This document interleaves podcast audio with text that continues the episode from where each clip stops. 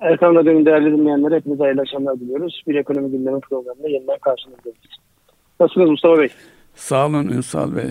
Ee, Allah'a şükür. Siz e, nasılsınız? Teşekkür ederim. Uzaklardayım ben bugün. E, fuar sebebiyle e, programa oradan değil de uzaktan katılıyorum. Evet. Dolayısıyla e, ağırlık olarak bugün ticareti, fuarı, dünyadaki gelişmeleri uzaktan ve telefonla konuşacağız. Evet. Sizin e... öncelikli olarak e, belirtmek istediğiniz bir gündem maddesi varsa ondan başlayalım. Yoksa e, bugün e, özellikle fuarla beraber gündeme gelen finansal ihtiyaçların karşılanması ile alakalı bugün e, Cumhurbaşkanımız e, e, Recep Tayyip Erdoğan e, fuarın e, yani üçüncü gününde olmamıza rağmen program ancak bugüne müsaitti. Bugün geldi. Çok ciddi açıklamalar yaptı. Yani hem içeriyle hem dışarıyla alakalı çok ciddi açıklamalar yaptı. Rusya'dan e, 19.sunu düzenlediği, her iki yılda bir düzenlediği e, Rusyat Expo fuarındaydık. Katılım e, son derece e, yüksek. Dünyanın dört bir yanından insanlar gelmiş, iş kovalıyorlar. Daha önceki fuarlara da katılmıştım. Ne hikmetse belki de e, zihnimiz artık bunu görmek istediği içindir. İnanılmaz bir ilgi alaka var. Hem yabancılar açısından hem de yerlilerin birbirleriyle iş yapma noktasında ben çok verimli hareketli gördüm fuarı. Bir girizgah yapayım.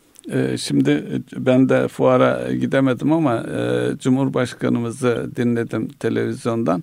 Dolayısıyla değindiği konular e, aslında o konuları gündem olarak alsak e, ancak altından kalkarız. Gündem Cumhurbaşkanımızın gündeme getirdiği konular olsun. İsterseniz ondan önce şu Amerika'nın faiz artışı, Avrupa'nın faiz artışı, Milli Merkez Bankası'nın çok uzun zamandan beri en üst seviyeye çıkmasıyla alakalı bir iki değinelim.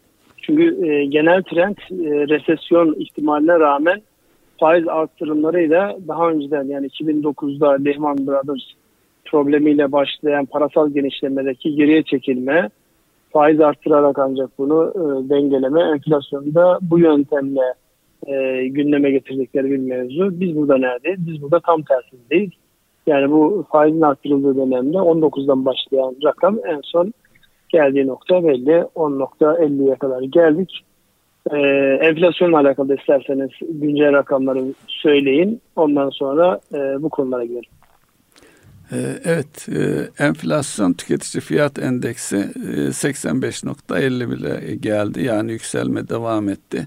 Bu ayki oran 3.54'lük bir e, artış oranı e, enflasyon e, neleri e, daha çok artırdı diye bakacak olursak e, 8,34 ile giyim ayakkabı sonra e, e, gıda ve alkol içecekler geliyor yüzde beşle ev eşyası ve ortalamanın altındakilere baktığımızda da e, en düşüğe bakarsak 0.36 ile eğitim daha sonra eğlence sağlık gibi devam ediyor e, enflasyon e, son bir yıldaki e, yükselişlere baktığımız zaman özellikle gıdada hane halkını ilgilendiren e, e, konular açısından şeker yüzde 153 ile sonra patates yüzde 139 süt, pirinç, makarna diye e, margarin, tavuk eti, tereyağı aşağı doğru geliyor Ünsal Bey. Evet.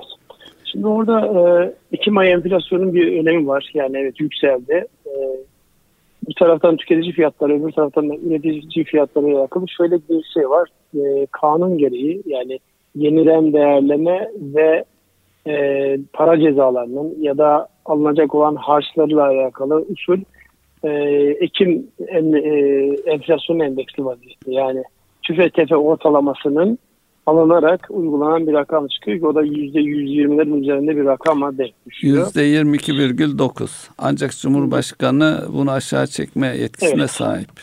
Şu an iki gündür yani enflasyon oranı yayınlandıktan sonraki en yoğun tartışılan konu acaba yeniden değerleme oranı kaç olacak?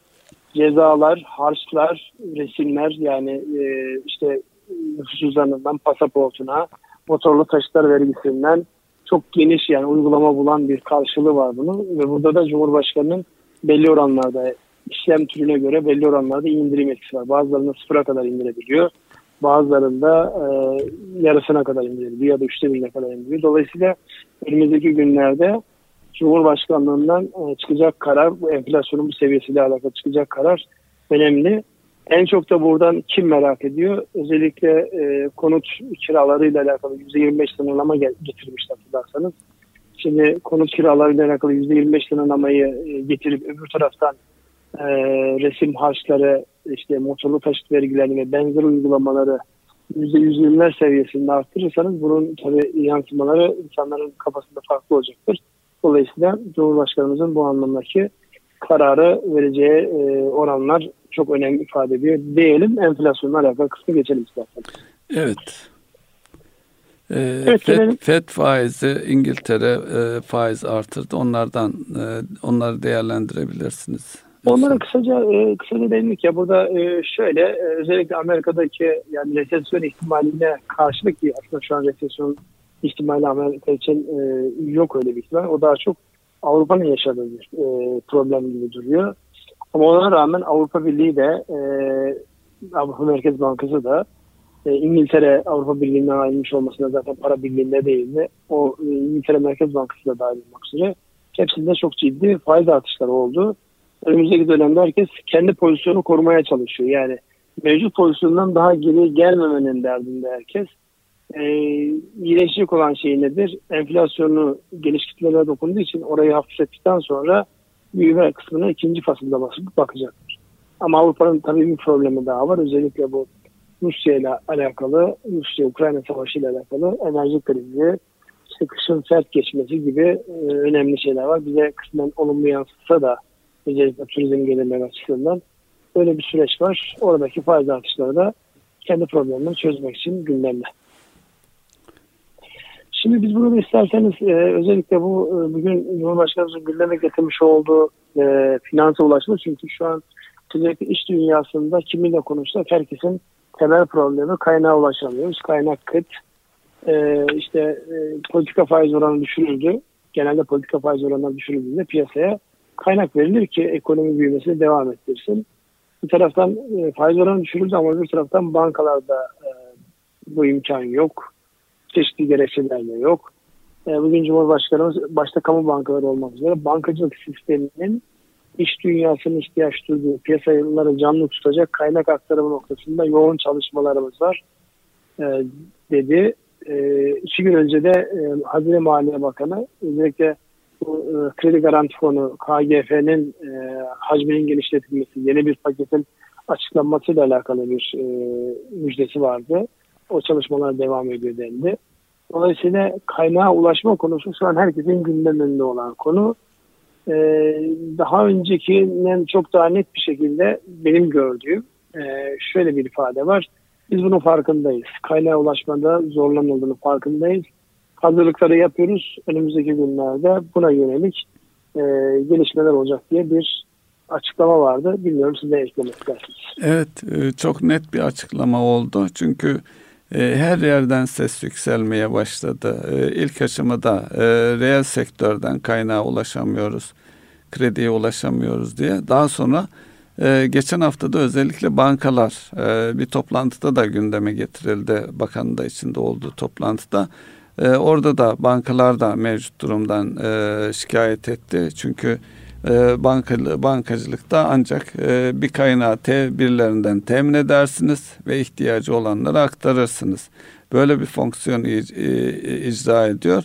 Tabi burada gelen kaynağı özellikle e, bu e, ekonomi politika gereği e, regülasyonun arttığı, müdahil e, devletin e, detaylarda müdahil olduğu bir noktada da e, devletin gö gösterdiği yere aktarmak zorunda kaldı bankalar özellikle e, hazine kağıtlarının e, kredi endeksli olarak çeşitli hesaplamalara göre e, hazine bonosu alma zarureti, mecburiyeti bankalarda ciddi biçimde zorlar hale gelmiş durumda. E, Cumhurbaşkanı'nın açıklamasıyla bu konu bir yolla çözülecek. Nasılını herhalde e, önümüzdeki hafta içerisinde duyarız diye düşünüyorum. Şimdi o e, bankacıların ve Hazine Maliye Bakanı'nın katıldığı toplantıda ben de vardım. Yani orada e, bakan genel değerlendirme yaptı. Yani başlıkta finansın geleceği, Türkiye'nin büyümesi için finansın geleceği başlıklı bir zirveydi.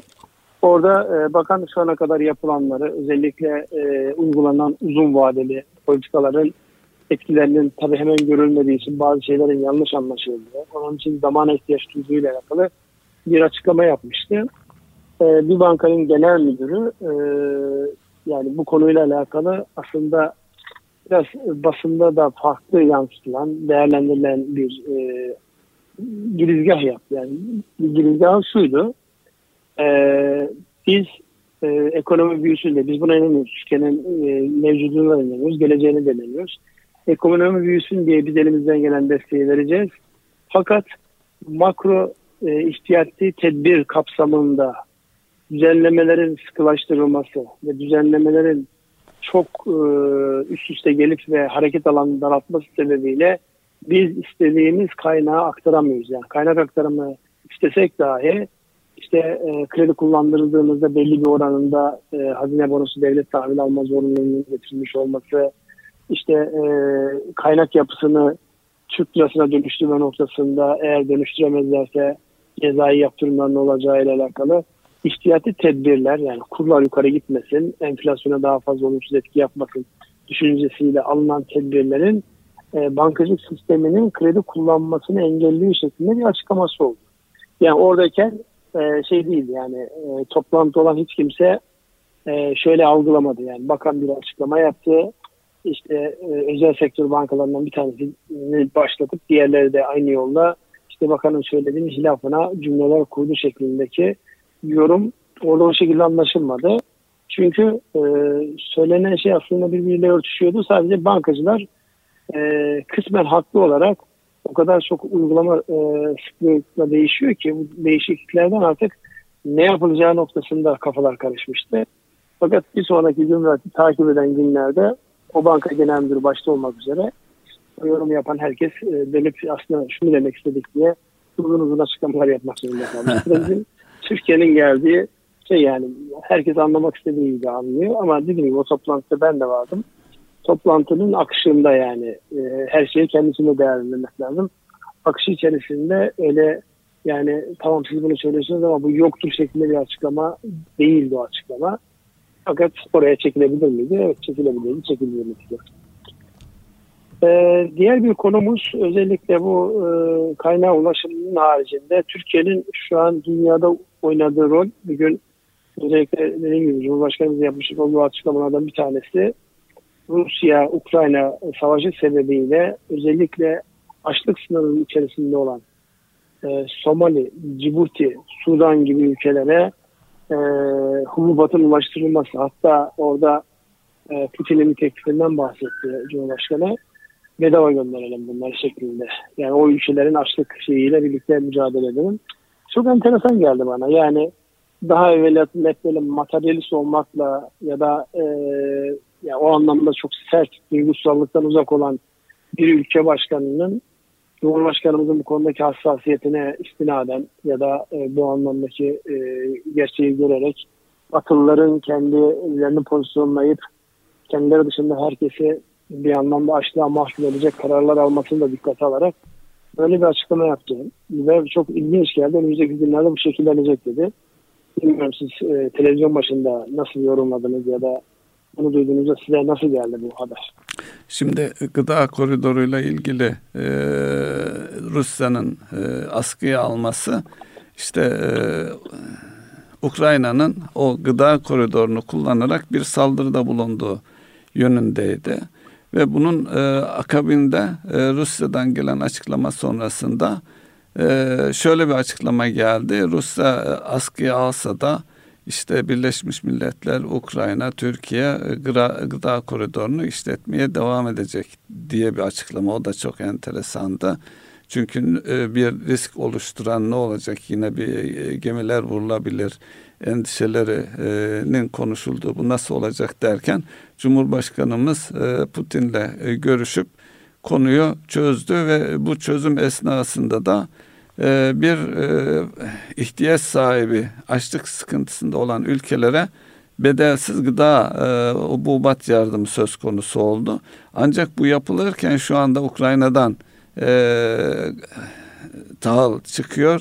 Ancak Rusya'nın tahılı ve e, şeyi e, gübre ihracatı e, müeyyide uygulanıyor. Dolayısıyla Rusya'nın bu tavrı o kendisine müeyyide uygulanmasını bir noktada e, delmek veya onu e, kullanmak gibi de algılanabilir. Ama ne olursa olsun o ülkelere e, gıda, e, hububat gidecek olması da gerçekten e, takdire şayan bir durum e, diye yorumlamalıyız. Burada, burada çok kullanılan e, yani yorumlardan bir tanesi özellikle son dönemde Türkiye'nin e, nötr bir duruş sergileyerek hem Ukrayna'ya hem Rusya'ya eşit mesafede durarak kendi pozisyonunu maksimum seviyede korumaya çalışması ve e, savunduğu fikirlerin arkasına durması. Çünkü Rusya bir şey yapıyor. ilk kınayan ülke e, o anlamda olumsuz e, bir görüş beyan edilmesi gerekiyorsa onu ilk beyan eden ülkelerden bir tanesi oluyor.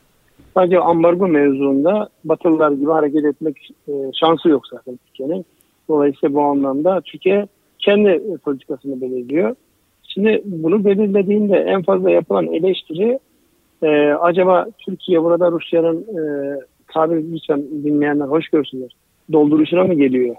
Yani çünkü sürekli gün yok ki e, Rusya'dan işte ama Kremlin'den bir sözcü ama Putin'in doğrudan kendisinden yapılan açıklamalarda e, Türkiye ile alakalı övgü içermeyen bir cümle geçmesin. Yani bugün de mesela medyada vardı. Türkiye'nin varlığı güvenin ana faktörüdür diye notlarıma öyle bir şey almışım. Yani Kremlin'in yapmış olduğu açıklama.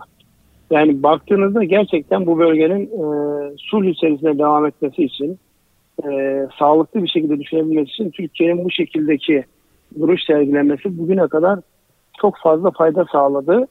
Ama birilerinin belli ki hoşuna gitmemiş bu yani. Ya da gitmiyor.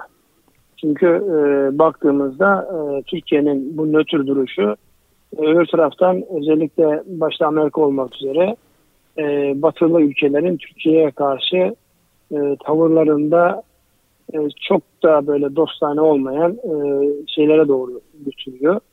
Bunu bir değerlendirmek icap eder. Yani Türkiye buradaki duruşunda yanlış mı yapıyor diye soruyoruz ama öbür taraftan da bir NATO ülkesi olan Türkiye 73-74'ü hatırlayın Kıbrıs olaylarında ya da şu anki dönemde e, ihtiyaç duyduğumuz ya da bundan önce ihtiyaç duyduğumuz o hava, hava savunma sistemleri olmak üzere sürekli gizli bir ambargoya maruz kalıyormuş durumundayız.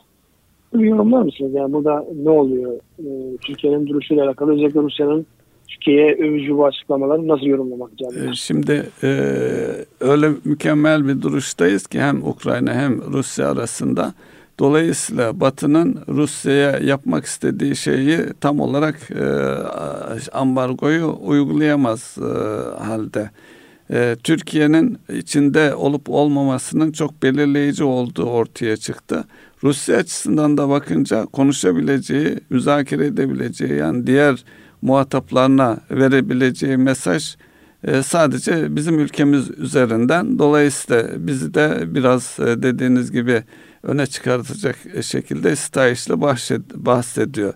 Ama bu arada e, gözden kaçan veya dikkate almamız gereken konulardan biri de Batı'nın kendi çıkarcı tavrının nerelere kadar gittiği. Şimdi e, Kuzey, e, Rusya'nın doğal gaz hatları sabotaja uğradı. Dolayısıyla gaz akışı e, yapılamıyor. Ama onun ötesinde Rusya'nın likit e, doğalgaz LNG ihracatı özellikle Fransa'ya ciddi miktarda artmış. E, Fransa, Çin ve Batı ülkeleri de bunları e, almaya devam ediyor. Büyük bir ihtimalle de daha uygun bir fiyatla. Petrol konusunda yine şeyler var. Ama petrol konusunu da e, bunu e, bizimle düşmanca bir tavır içerisine girmiş olan Yunanistan e, şeylerin e, e, tankerlerin bayrağını değiştirerek Ege adalarında veya tankerden tankere e, transfer yaparak e, ciddi bir şekilde Rus e, petrolünü yine Batı ülkelerine aktarmaya devam ediyor. Şimdi bunları biz sadece görüp ifade ediyoruz ama batılı ülkelerde buna yönelik bir eleştiri duyulmuyor farkındaysanız. Dolayısıyla e, bizim de yani duruş itibariyle bunu muhafaza edebildiğimiz müddetçe e, hem bölge ülkeleri için savaşın daha da büyümesi e, riski var.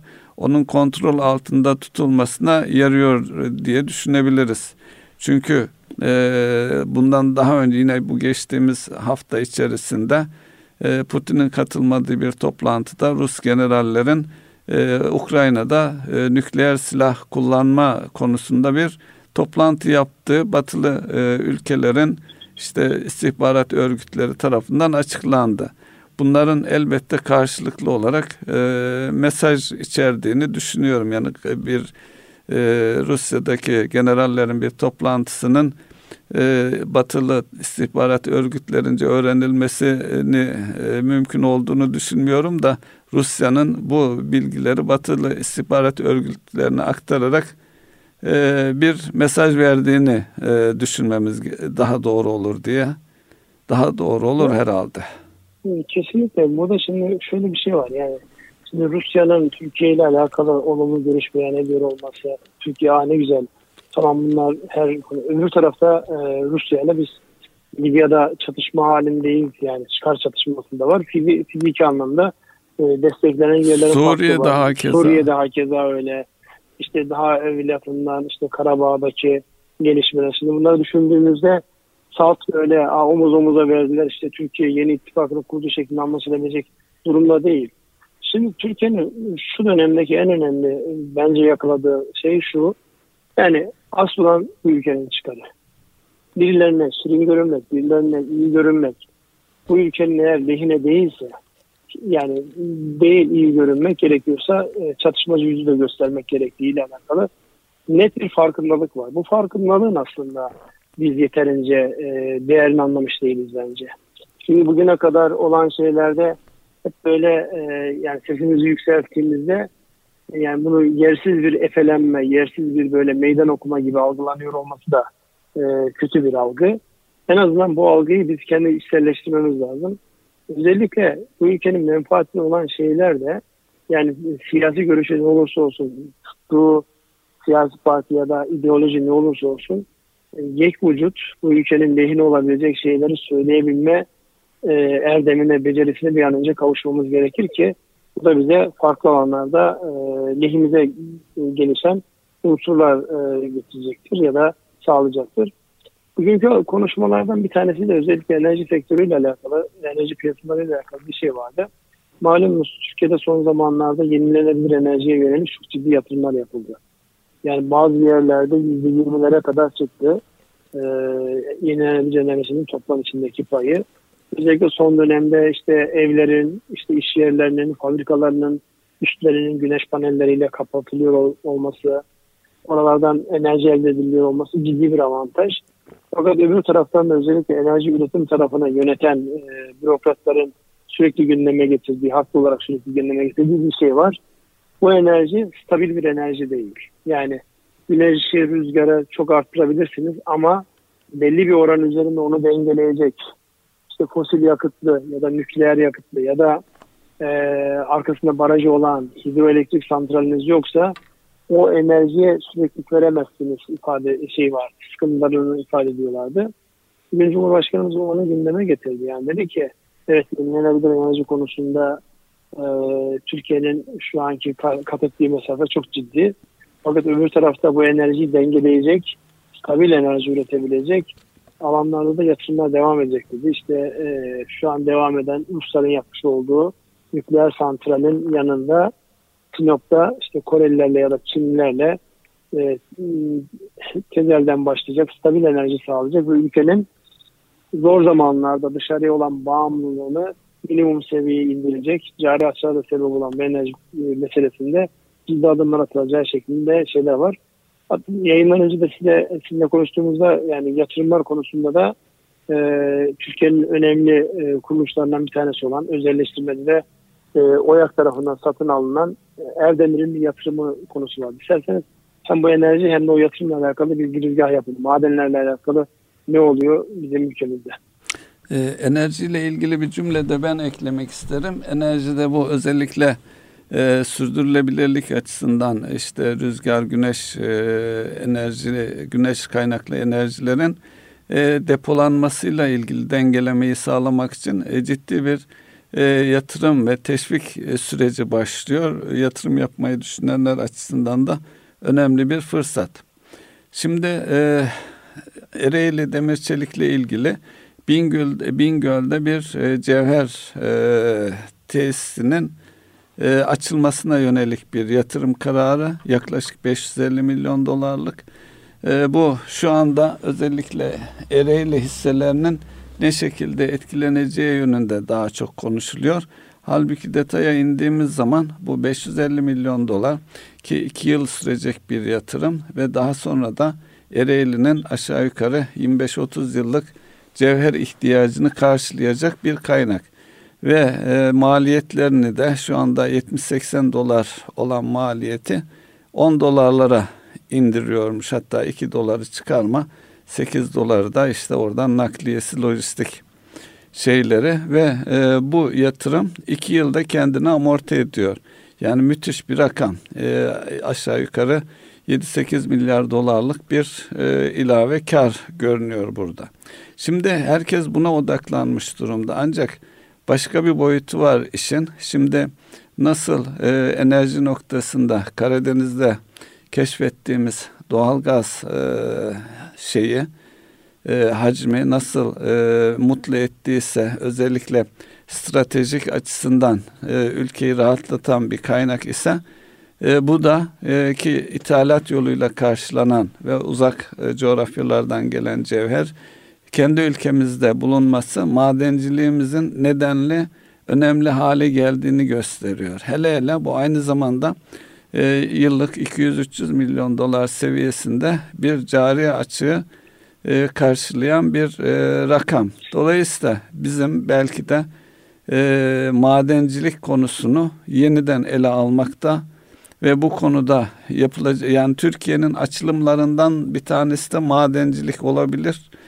E, potansiyelimizin neden yüksek olduğunu da gösteriyor.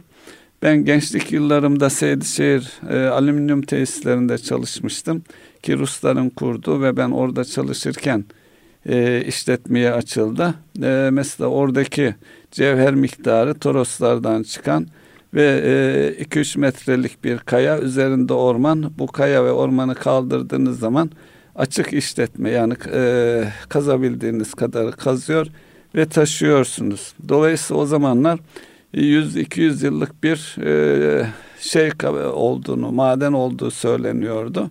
Aradan aşağı yukarı 40 neredeyse 50 yıl geçiyor. Orada bir tesisimiz var ama niye benzer tesisler yok? Çünkü bakıldığı zaman alüminyum konusunda kendi ihtiyacımızın ancak sanıyorum dörtte bir veya beşte birini karşılayabiliyoruz.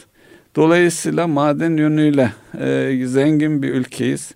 Hiç çıkartılamayanlar var. Mesela toryumla ilgili e, çalışmalar geçenlerde rastladım ve tor, toryumun enerji depolama amaçlı araştırmalar söz konusuymuş. Halbuki nükleer enerji olarak da e, bir çalışma vardı.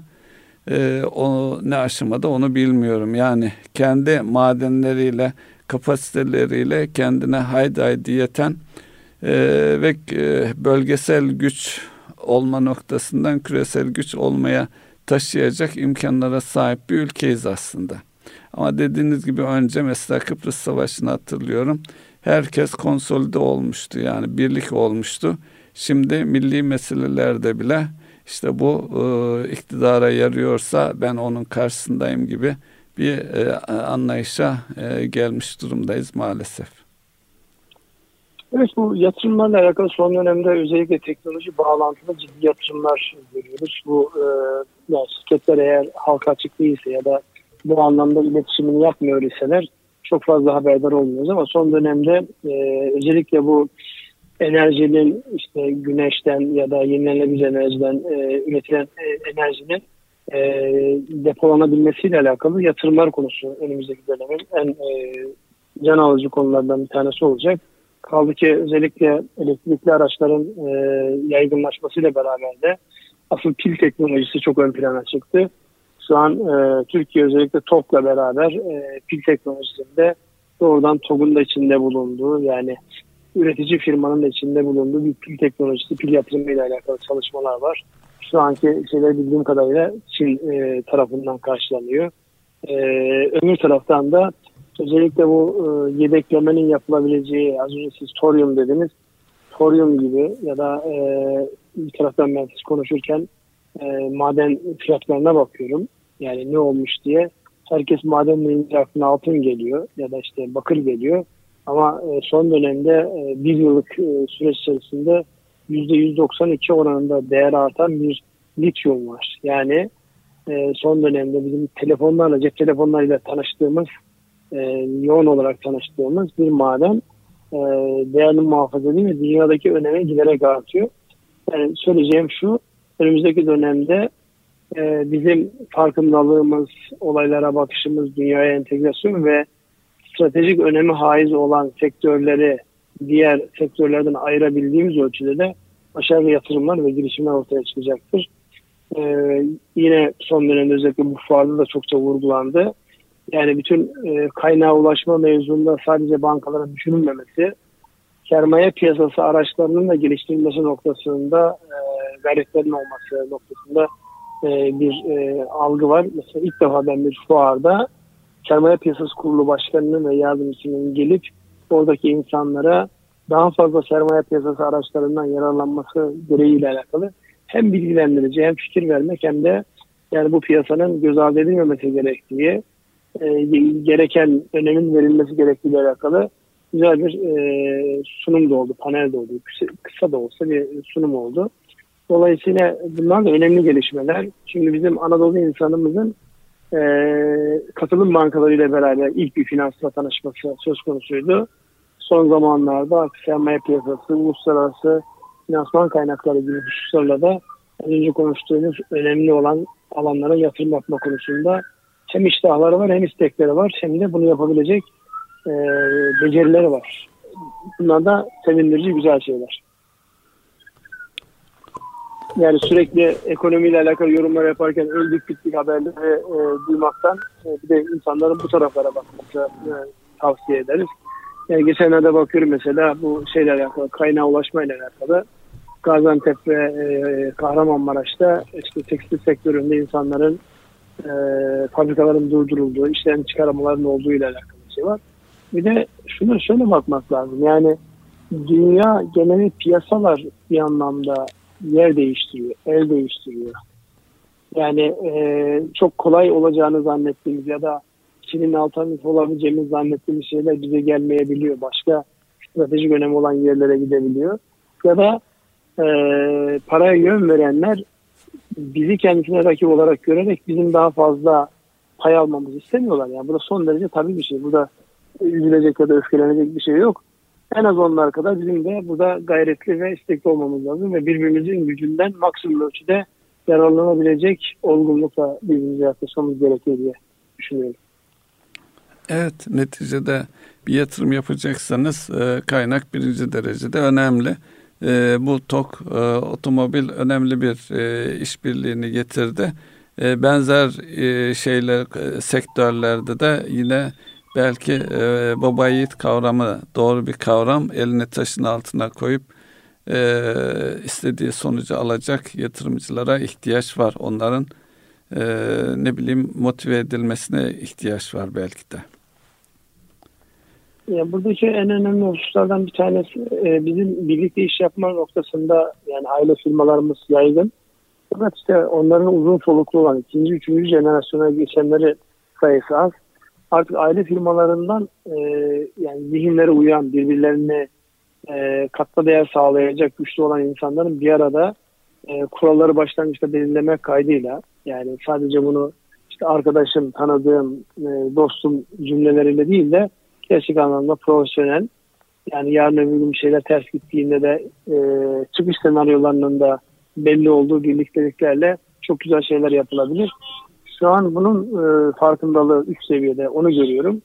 E, inşallah bu da artar. Yine bu fuarda e, yani iş adamları bir araya gelerek e, girişim sermayesi yatırım fonu oluşturma konusunda yani bir mutabakata varılmış olduğunu gördük ve bunun da anonsu yapıldı.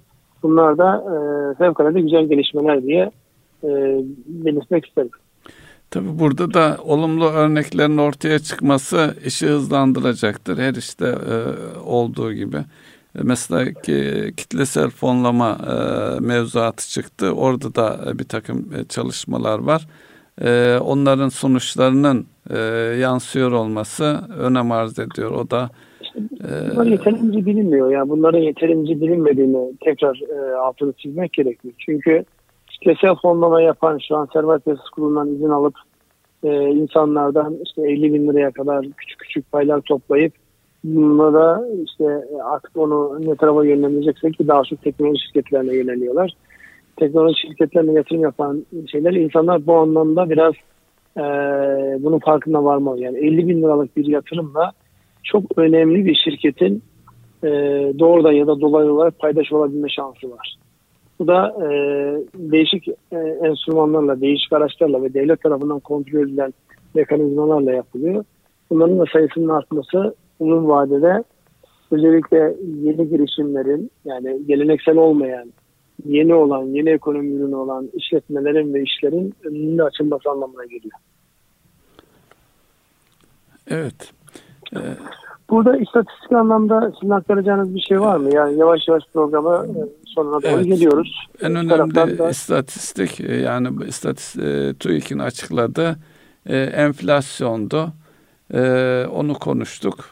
enflasyonla ilgili işte nereye gelir, nereye nasıl düşer?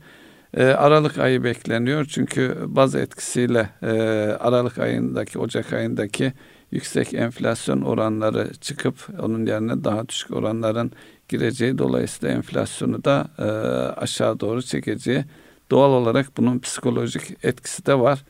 E, bir taraftan da işte e, özellikle enflasyonun e, disiplin altına alınmasında da yine FED'den hareket edecek olursak o e, farklı bir bakış açısı ortaya çıktı.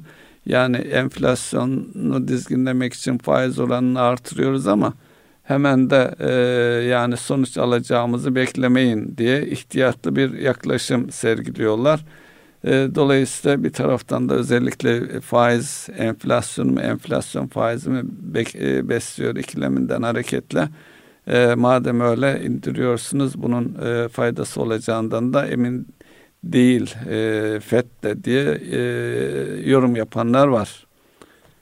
Burada, e, istatistik olarak benim de dikkatimi çeken bir şey oldu. Özellikle e, bu hafta içerisinde dış ticaret verileri açıklandığında e, yani ithalatın ilk defa 200 milyar doların üzerine çıkması ve e, bir anlamda enerji fiyatları başta olmak üzere ithal ettiğimiz mallarda daha pahalıya alırken ihraç ettiğimiz mallarda kilogram, kilogram başı e, ihraç miktarının aynı kaldı. Hatta biraz gerileriyle alakalı bir e, not var. Yani burada Türkiye'nin özellikle e, dış ticarete yönelirken katma değerli ürünlere işte savunma sanayiyle başlayan, yazılım sanayiyle, oyun e, sanayiyle devam eden, yani yazılımın devamı olarak buradaki katma değerli ürünlerin de e, gündeme gelmesi gerektiğini bir kere daha görüyoruz. Şimdi enflasyonu e, daha fazla gitmesin diye kontrol altında tutulmaya çalışılan kur Öbür tarafta dönüyorsunuz ithalatı sebep oluyor. Bu sefer de içerideki e, üretim kaynaklarınız yani daha ucuza ya da e, üretimin getirdiği yatırıma ihtiyaç duymadan sadece alıp satmayı gerektirecek bir işletme yapısı insanların e, daha hoşuna gidiyor olabilir. Dolayısıyla burada da özellikle dış ticaret e, dengesi noktasında dikkat etmemiz gereken bir dönemdeyiz.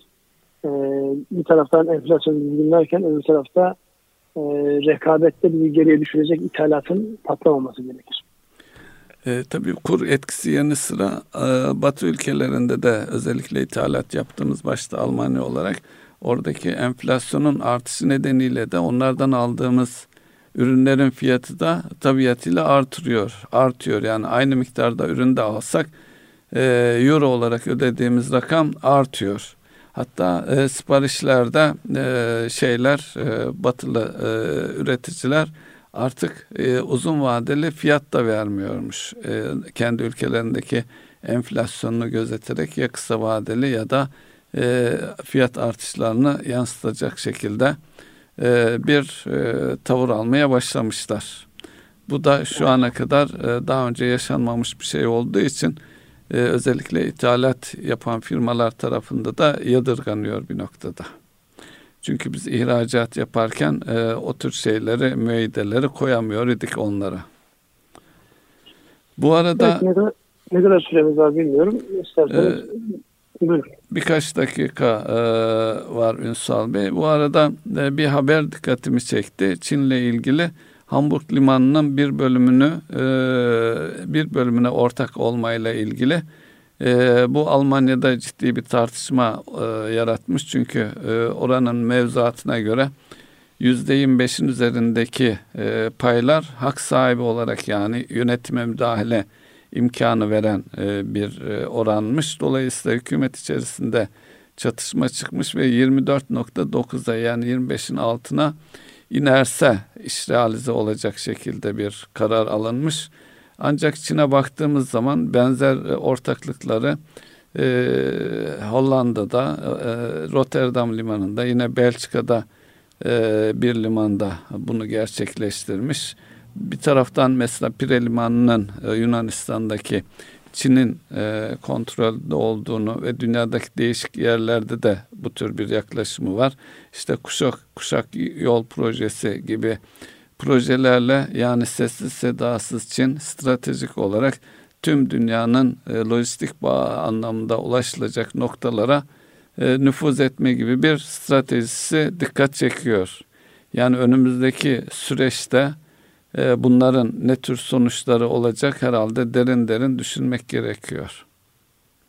Bir taraftan düşünmek gerekiyor. Öbür taraftan da özellikle Amerika ve Çin arasındaki ticaret savaşlarında yani şu da görülüyor. Amerika e, eskisi kadar e, Çin yatırımlarına müsaade etmiyor. Yani en son yine bizim bir şey, iş adamları heyeti Amerika'ya gittiğinde Amerikalılar çok net bir şekilde bundan sonraki süreçte e, Çin noktasında daha dikkatli olacakları, daha e, temkinli davranacakları, hatta oraya giden iş adamlarına e, oradaki yetkililerin yani e, hep yatırım istiyorsunuz. Bundan sonraki süreçte buraya yatırım yapma konusunda da daha istekli olun, daha iştahlı olun şeklinde telkinlerinin olduğunu söylemişti arkadaşlarımız.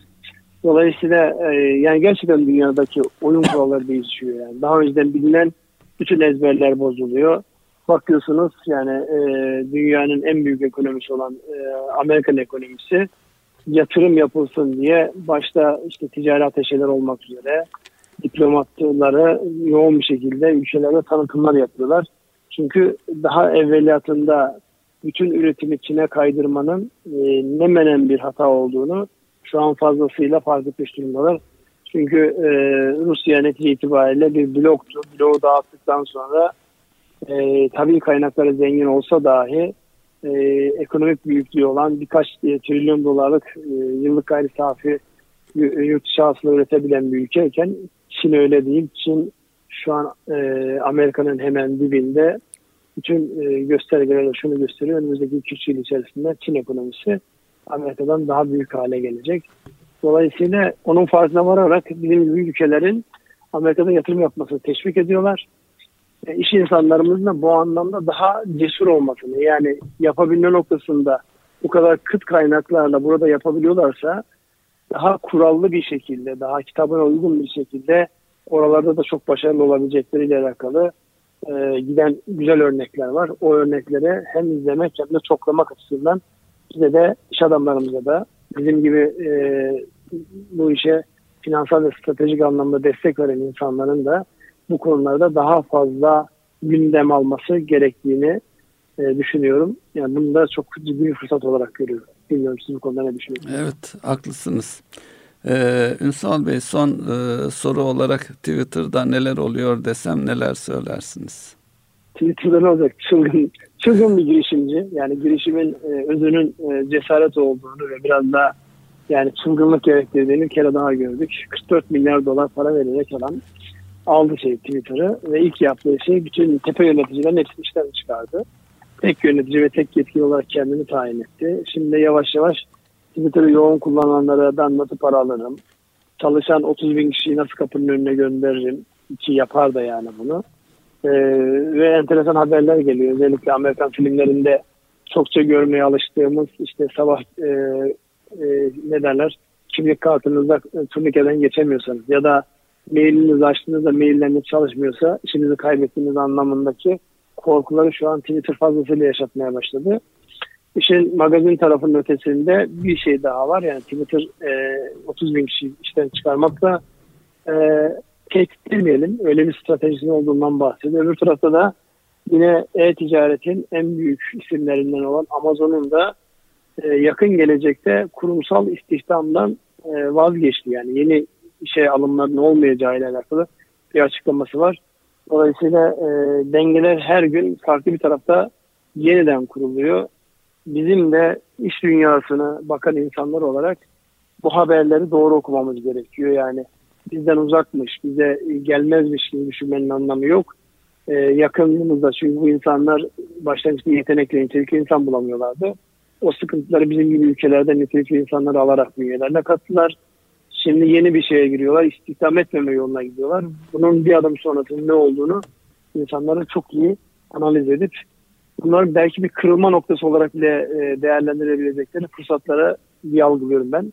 Bugün ne hikmetse fazlasıyla pozitif bakmak istiyor Evet. Belki de, belki de bu kadar girişimciyi görünce yani dünyanın dört bir yanından gelip şurada iş yapmaya çalışan insanları görünce yani karamsar olmanın ne kadar yanlış olduğuyla alakalı ciddi bir e, bilinçlenme diyeyim ben size.